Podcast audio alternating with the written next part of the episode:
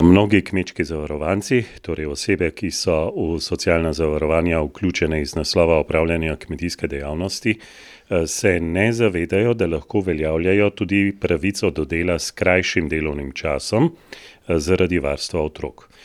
Kako to pravico uveljavljati, nam bo povedala Urška Hlingenziti iz sektorja za pravne zadeve na Kmetijsko-gozdarski zbornici Slovenije.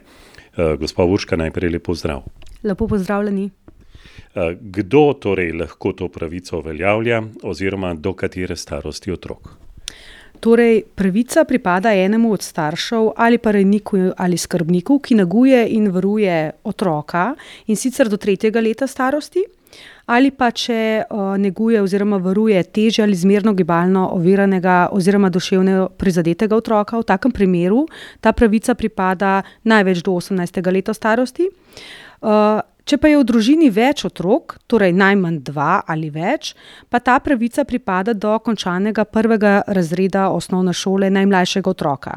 Bi pa jaz pri tem, dodala še naslednje, in sicer da je eno leto neprenosljivo, kar pa v bistvu v praksi največkrat pomeni, da bo prvi izmed staršev koristil pravico do otrokovega vstopa v prvi razred, drugi pa v času prvega razreda.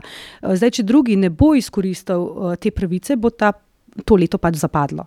Kolikšno je lahko oziroma mora biti skrajšanje delovnega časa? Torej krajši delovni čas mora obsegati najmanj polovično, delovno tedensko obveznost, kar pomeni, da morate delati najmanj dvajset ur tedensko. Se to pozna tudi pri prispevkih? Ja, res je. Še posebej pri samostojnih zavezancih za plačilo prispevkov, med katere seveda štejemo tudi kmečke zavarovance, se mesečna obveznost iz naslova plačila prispevkov zaradi koriščenja te pravice sorazmerno zmanjša. In kdo o tem odloča? Torej pravica se uveljavi pri centru za socialno delo, in sicer na območju stalnega prebivališča matere otroka. Bi pa jaz na tem mestu, dodala še naslednje oziroma bi želela opozoriti na obveznost ureditve prijave zavarovalnega časa na Zavodu za zdravstveno zavarovanje Slovenije. po prejemu odločbe strani centra za socialno delo, s katero se vlogi ugodi, mora namreč posameznik, torej kmečki zavarovanec, urediti tudi prijavo krajšega zavarovalnega časa na Zavodu za zdravstveno zavarovanje Slovenije, ki mora biti skladno z odločbo, izdano na CSD-ju, torej da je njegova delovna tedenska obveznost krajša. In po poteku te pravice naj bodo kmečki zavarovanci prav tako pozorni na ponovno prijavo za polni zavarovalni čas, kajti oni so namreč za to dolžni poskrbeti sami.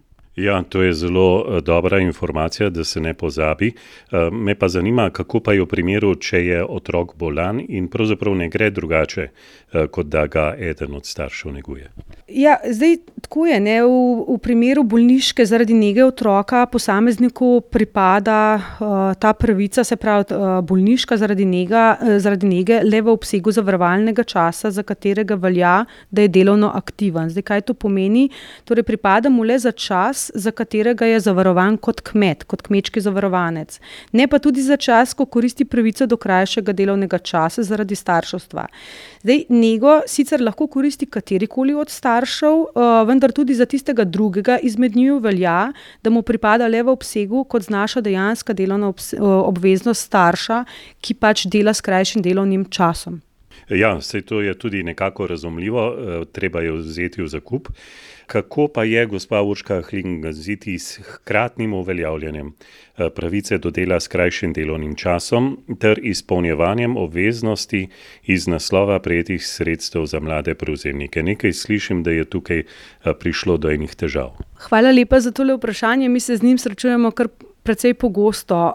skratka, v prvi vrsti mi vedno svetujemo, da mladi prevzemniki najprej preverijo določila razpisa, na podlagi katerega so prejeli nepovratna sredstva. naj pa dodam, da so do sedaj veljavni razpisi vsi vsebovali določbo, po kateri koriščenje pravice do dela s krajšim delovnim časom pač ni pomenilo kršitve razpisa, razpisnih pogojev. Torej mladi prevzemniki praviloma lahko koristijo pravico do dela s krajšim delovnim časom, vendar, naj vseeno pred tem preverijo, razpisne pogoje, na podlagi katerih um, so jim bila dodeljena sredstva iz naslova mladega prevzemnika. Pa če mi dovolite še eno zadevo, ker se mi zdi, da uh, pogosto mešajo uh, te pravice iz naslova starševskega varstva uh, posamezniki. Torej, te pravice do dela s krajšim delovnim časom ne gre zamenjevati s pravico do plačila prispevkov v primeru štirih ali več otrok. Ta slednja velja za samostojno pravico, katere namen je, da posameznik popolnoma zapusti trg delovne sile in ne zgolj za polovični delovni čas, kot to sicer velja v primeru pravice do dela s krajšim delovnim časom. In kot tak se ne šteje več za delovno aktivno osebo. Torej, koriščenje te pravice, pravice do plačila prispevka za štiri ali več otrok pomeni kršitev pogojev iz razpisa mladega prevzemnika, če se je ta zavezal, da se bo zaposlil na kmetiji in kot tak potem predstavlja razlog za izgubo že pridobljenih sredstev. Tako da na to ne bodo pozorni. Ne zamenjevati pravice do dela s krajšim delovnim časom, ki je v kombinaciji z mladim prevzemnikom praviloma mogoča, s pravico do plačila prispevkov zaradi štirih ali več otrok. Torej je potrebno zelo eh, previdno brati vse skupaj, kar, kar piše. Ja, res je, če pa imajo posamezniki težave, pa seveda se vedno lahko po pomoč, za pomoč obrnejo tudi na uh, pravni sektor Kmetijsko-gozarske zbornice Slovenije. Gospa Urška Hlinganziti, še o enem zapletu bi vas rad vprašal za nasvet. Nekateri mladi kmetje opozarjajo, da so jim na Centru za socialno delo odločbi pri dohodkih avtomatsko pripisali 75 odstotkov minimalne plače eh, in niso upoštevali dejanskih dohodkov na kmetiji. Se to da kako rešiti?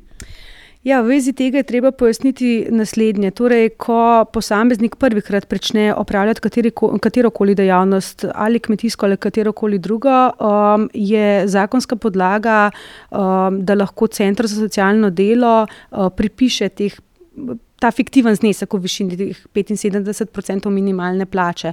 Ampak seveda je. Recimo temu težava rešljiva, um, zopr takšno odločbo, v kateri je ta prispevek pripisan, je nujno, nujno treba uložiti uh, pritožbo uh, in v tej pritožbi potem dokazujemo dejanske prihodke posameznika uh, in navadno so te pritožbe potem tudi uspešne. Hvala lepa za pogled na to področje, za nasvete, vse dobro. Hvala tudi vam.